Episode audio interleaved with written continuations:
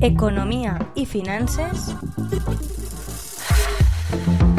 amb Lluís Barberà.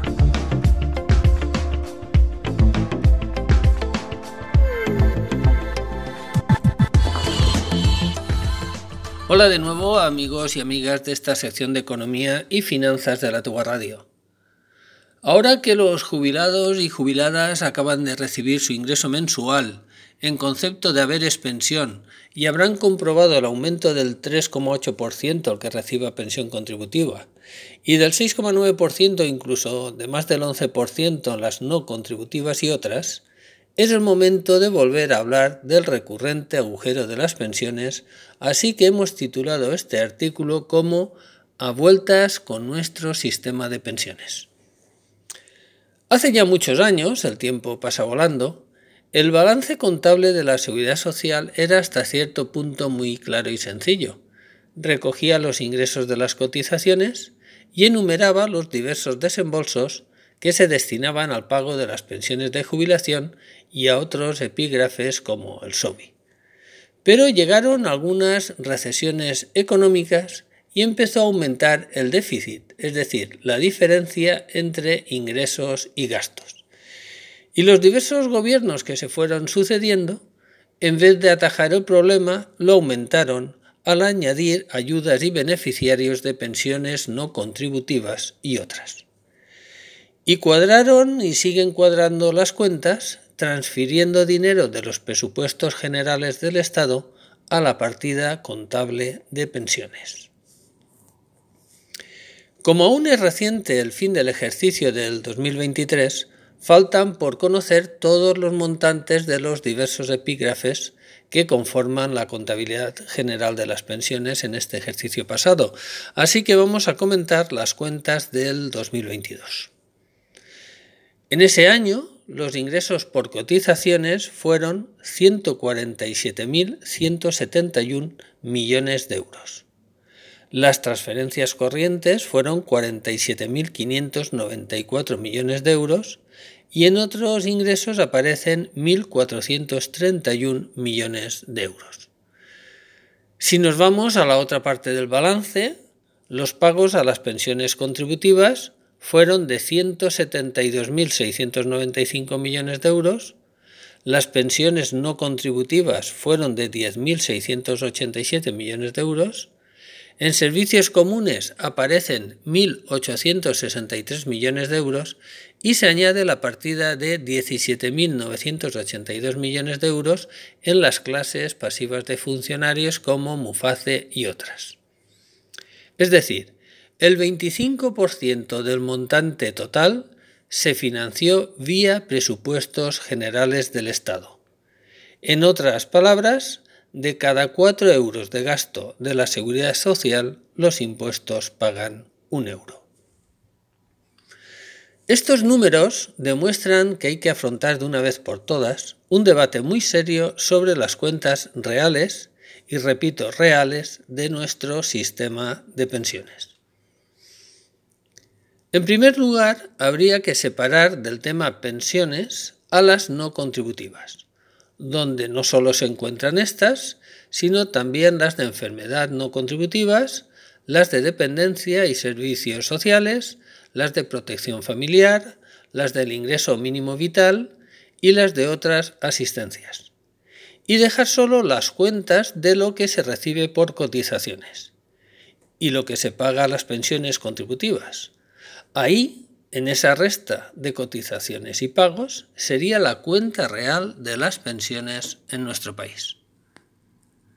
A partir de ahí, la partida de las no contributivas que abarcan otros pagos que hemos descrito antes deberían ir aparte, pues si se va metiendo en no contributivas cada vez más apartados y beneficiarios, nunca desaparecerá el déficit, sino que irá aumentando inexorablemente. No tenemos que olvidar que aparte de aparecer nuevos apartados y beneficiarios como el ingreso mínimo vital en las pensiones no contributivas, están entrando continuamente nuevos beneficiarios, como es el caso de personas extranjeras que solo demostrando que han residido 10 años en nuestro país, aunque no hayan, cotizando, eh, no hayan cotizado ni un euro, tienen derecho a esa no contributiva. Es decir, un inmigrante con 55 años que venga a nuestro país y se empadrone a los 65 años tiene derecho a recibir esa pensión no contributiva. Toda esta clase de ayudas no deberían denominarse en ningún caso pensiones. Deberían separarse de ese apartado de pensiones y contabilizarse dentro de los presupuestos generales del Estado en otras partidas y sacarlas definitivamente del apartado de pensiones.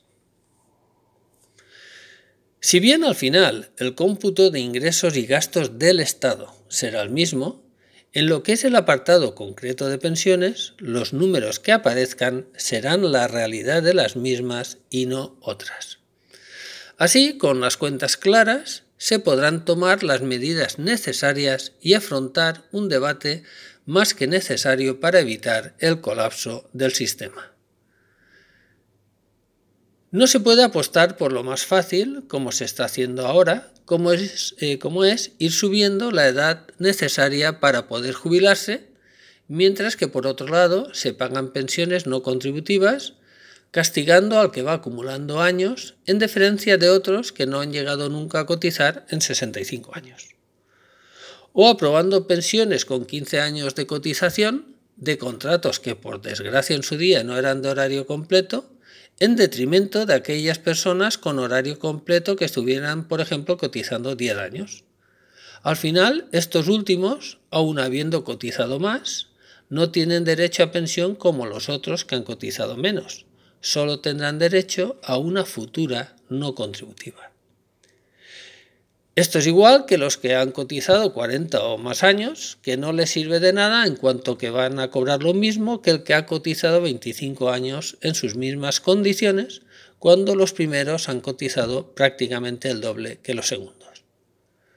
Son incongruencias de nuestro sistema que deben, ser, eh, que deben ser corregidas aplicando nuevas metodologías eh, como se aplican en otros países, donde, por ejemplo, cada cotizante tiene su, digamos, cajón, o cuando un trabajador permuta por llegar a una edad su puesto a otro, con ayudas, no solo a la empresa por conservar el puesto de trabajo, sino también complementando diferencias sociales y tantos otros ejemplos.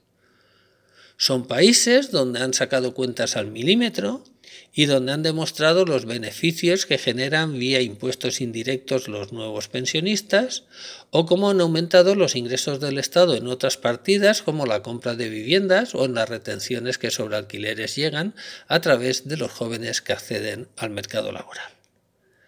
Soluciones hay, pero son los políticos los que deben tomarlas. Para eso están. Ah, y por cierto, antes de que se me olvide, hacer un inciso a nuestros políticos. Está bien que se haga un esfuerzo para que las eh, pensiones no pierdan poder adquisitivo y de ahí el aumento otorgado. Pero si al mismo tiempo que suben se le sube la retención, el pensionista no va a cobrar, si por ejemplo es una contributiva el 3,8%, sino menos. O sea, no se va a ajustar la subida al IPC. Por favor, no traten a este sector de mayores como tontos. Lo bien hecho sería haber dejado la cuenta de forma que ese 3,8% fuera real. En fin, amigos y amigas, espero que os haya sido de interés este artículo y os emplazamos para el mes próximo en esta sección de Economía y Finanzas de la Tegua Radio. Un fuerte abrazo para todos.